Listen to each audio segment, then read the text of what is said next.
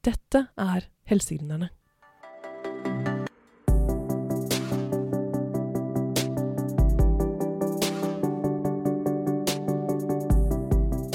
Norge har verdens beste helsevesen og en befolkning som aldri har vært friskere.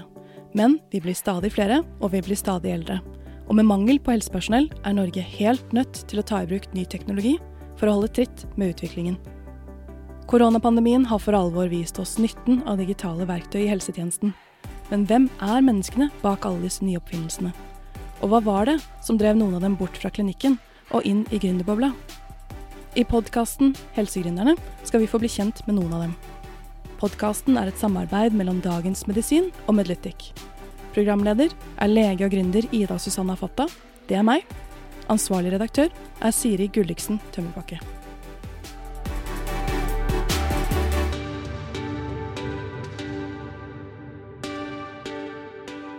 Velkommen tilbake til podkasten Helsegründerne.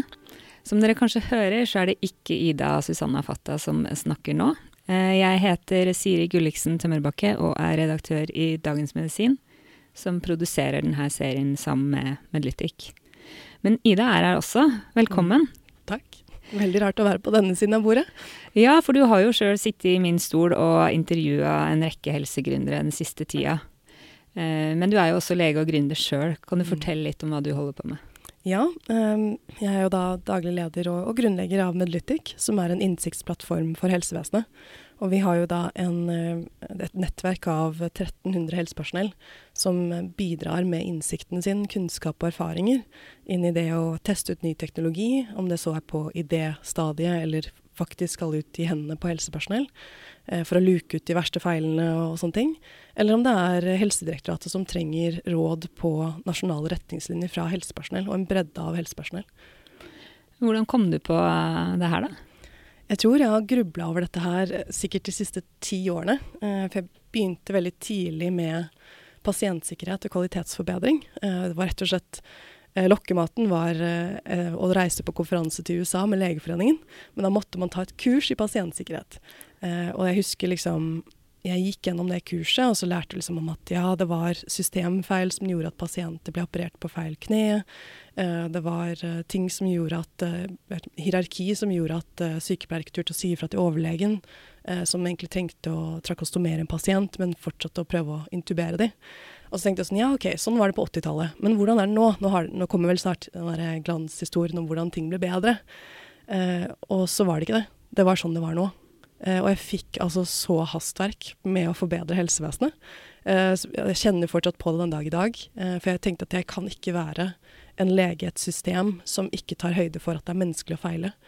Og jeg så på en måte hvor jeg har vært med i ganske mye ulike ting gjennom de siste årene, og sett hvor utrolig viktig det er at den kunnskapen som helsepersonell sitter med Det kan være små detaljer, og man kan kanskje som helsepersonell føle at det er ubetydelig, men de små detaljene kan være helt avgjørende når man skal ta Eh, og utvikle nye tjenester eller nye verktøy for helsevesenet.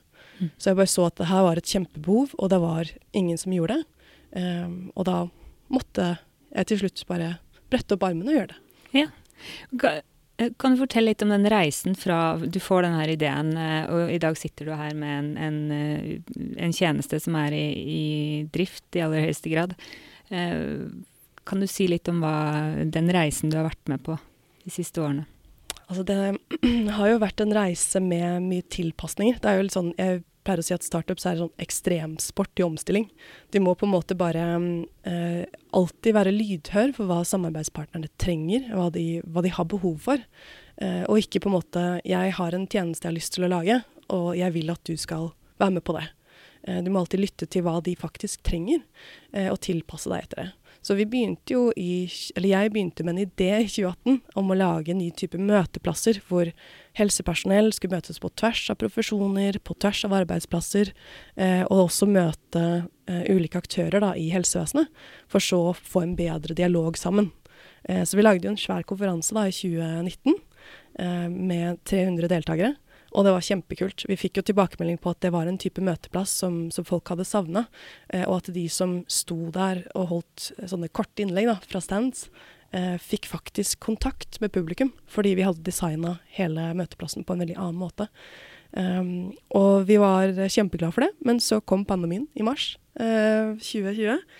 Og det var en litt sånn, det kjentes ut som en litt dårlig idé å samle helsepersonell fysisk eh, i løpet av det året.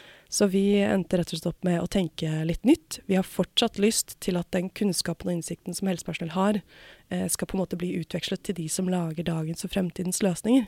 Hvordan kan vi gjøre det? Og da oppsto ideen om Medlytic, hvor vi kunne gjøre det på, på andre måter enn med, med møteplasser. Da. Så Medlytic er egentlig et sånn barn av pandemien, kan man ja, si? Ja, det er det absolutt. Ja. eh, du har jo som sagt uh, intervjua mange helsegründere uh, de siste ukene. Uh, kan du kjenne deg igjen i deres situasjonsbeskrivelse, deres utfordringer som de både, står i og har stått i over lang tid? Absolutt. Det er, litt morsomt å sitte og intervjue og prøve å ikke nikke så mye at man hører det over mikrofonen, fordi det er noen ganger jeg bare kjenner meg så innmari igjen. Og liksom Eh, denne her lidenskapen da, som mange av disse har um, for, for, det de vil opprette, eller det de vil uh, oppnå, da. Um, og, og, hvor hardt de jobber. Hvor mye de, de, kanskje egentlig har ofra. Uh, hvor viktig det har vært med støttespillere rundt seg. Um, både Pridoc og, og Removeaid snakker liksom om 18 timers arbeidsdager i ti år. Ikke sant? Det er ikke, det er ikke lett. Eh, og det er beintøft, rett og slett. Um, men så er det på en måte verdt det.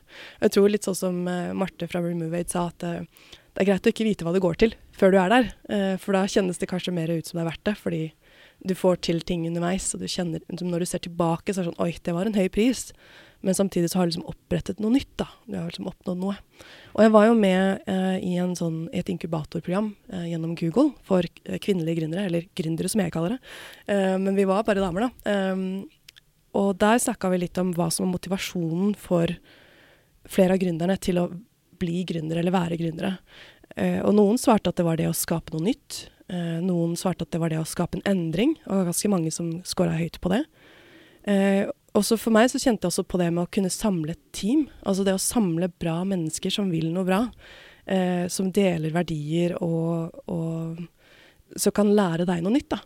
Det har vært kjempemotiverende. Fordi eh, holdt opp å si nå i etterkant av pandemien, så gikk vi jo fra å være sånn to og en halv, kanskje, til å bli ni stykker på teamet. Og det er bare Ja, det er som natt og dag. Det har vel liksom gått fra å være litt en idé og, og teste ut noe, til å faktisk være et team som jobber for et felles mål. Og det kjennes veldig givende ut. Men det er tøft, da. Ja, er det Altså, tror du vil få flere helsegründere etter denne her serien, eller færre?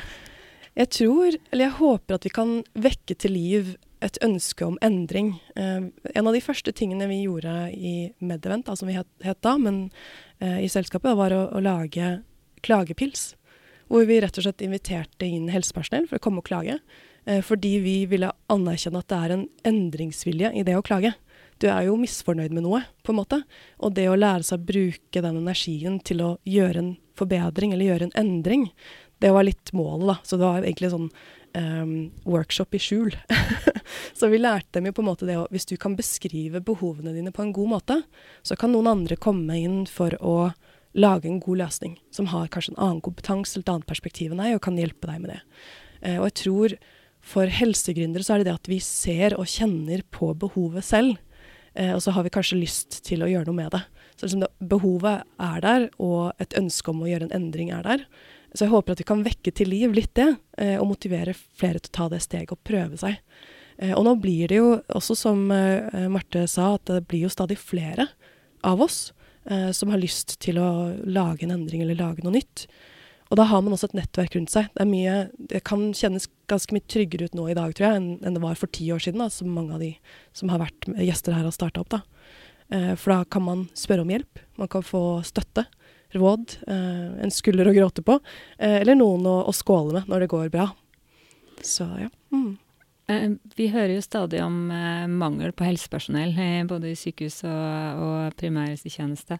Har du reflektert noe over om har vi noen å, har vi noen å kaste bort på, sånn, ja. Litt sånn at vi fører til brain drain ja. fra helsetjenestene.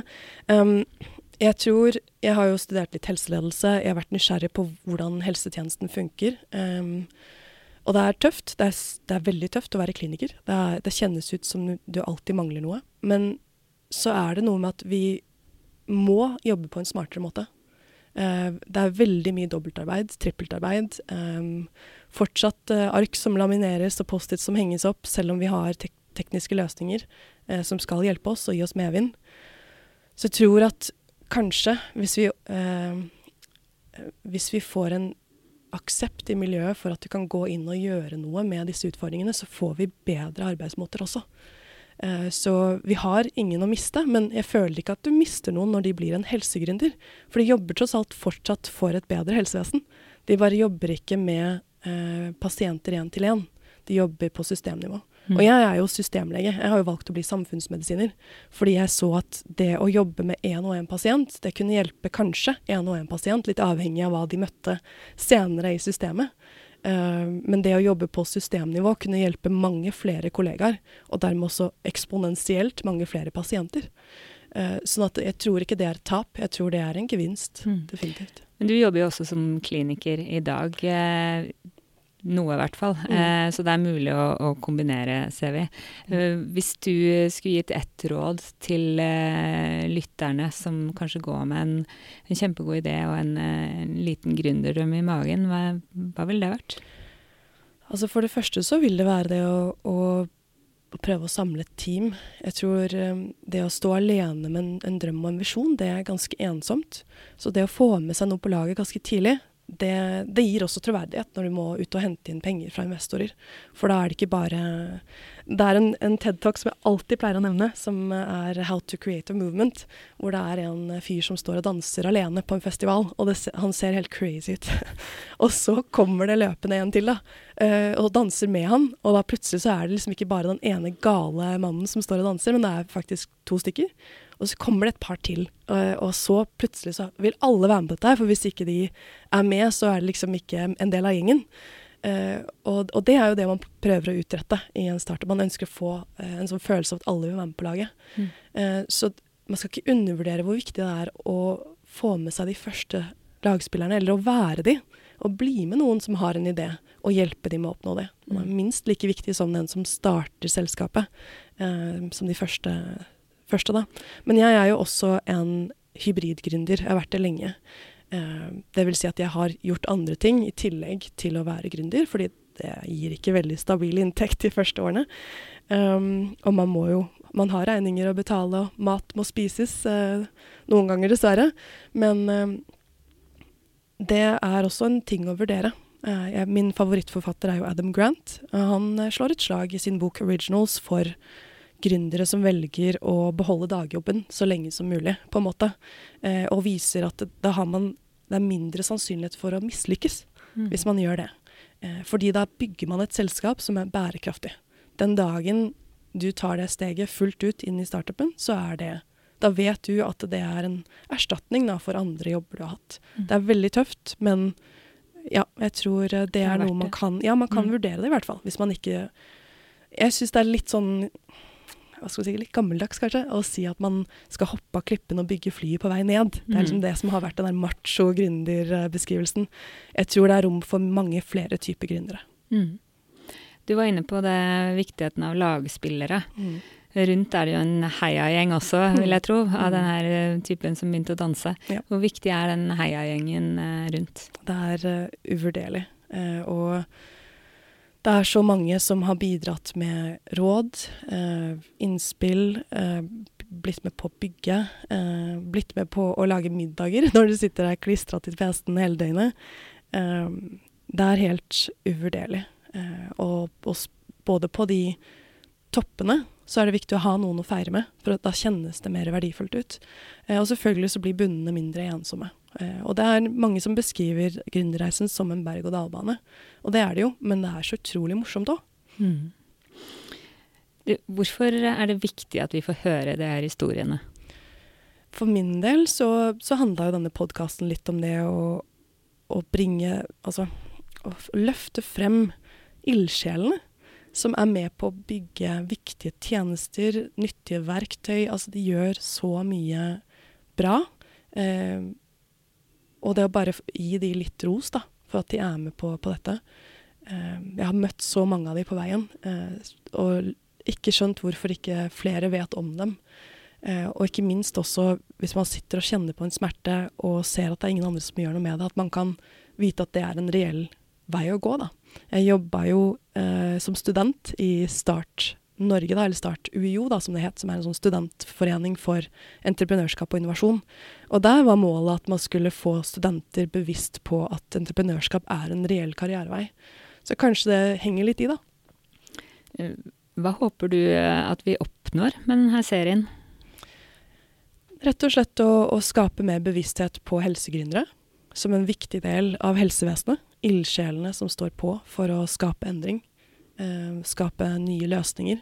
Hjelpe sine kollegaer som, som, har, som, kanskje sitter med litt dårlige løsninger i dag. Um, ja, gi de litt ros, og ikke minst også å si til de som vil prøve dette, at uh, det er mulig. Hvilke forventninger må vi stille til myndighetene? For å, det er jo én ting at vi får flere gründere, og det er vel og bra, men det hjelper jo ingenting hvis man ikke legger til rette for det. Har vi noe å gå på der? Mm, jeg syns jo det, da. Jeg, syns, jeg eh, husker jeg var på et uh, foredrag med Innovasjon Norge eh, om disse ulike tilskuddene som man kan låne, og så var det en som sa det er jo ikke, eksamens, uh, det er jo ikke eksamen i, i søknadsskriving. Og da husker jeg bare lo, fordi det er det absolutt. Du må liksom virkelig vite hva du skal skrive, og hvordan du skal skrive det. Og de som har gode rådgivere rundt seg, er de som virkelig får det til.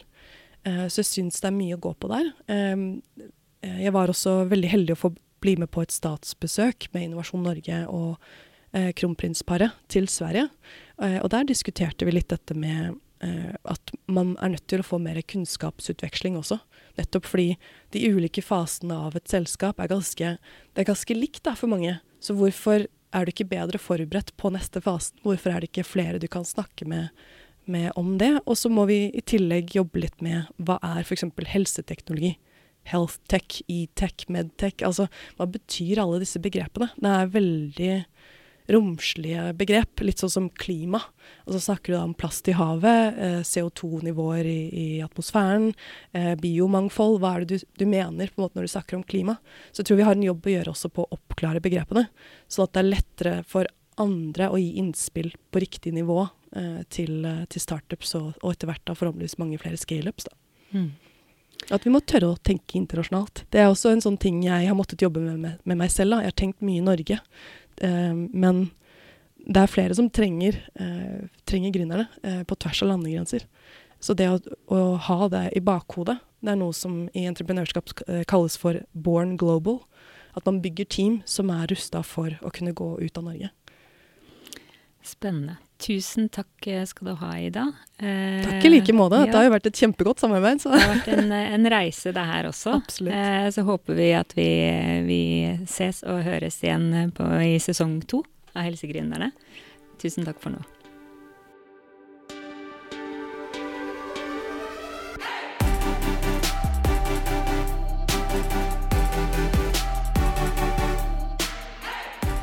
Du har hørt på podkasten Helsegründerne. Mitt navn er Ida, og hvis du har kommentarer, innspill eller forslag til gjester, så vil jeg gjerne høre fra deg. Vi høres igjen i neste episode.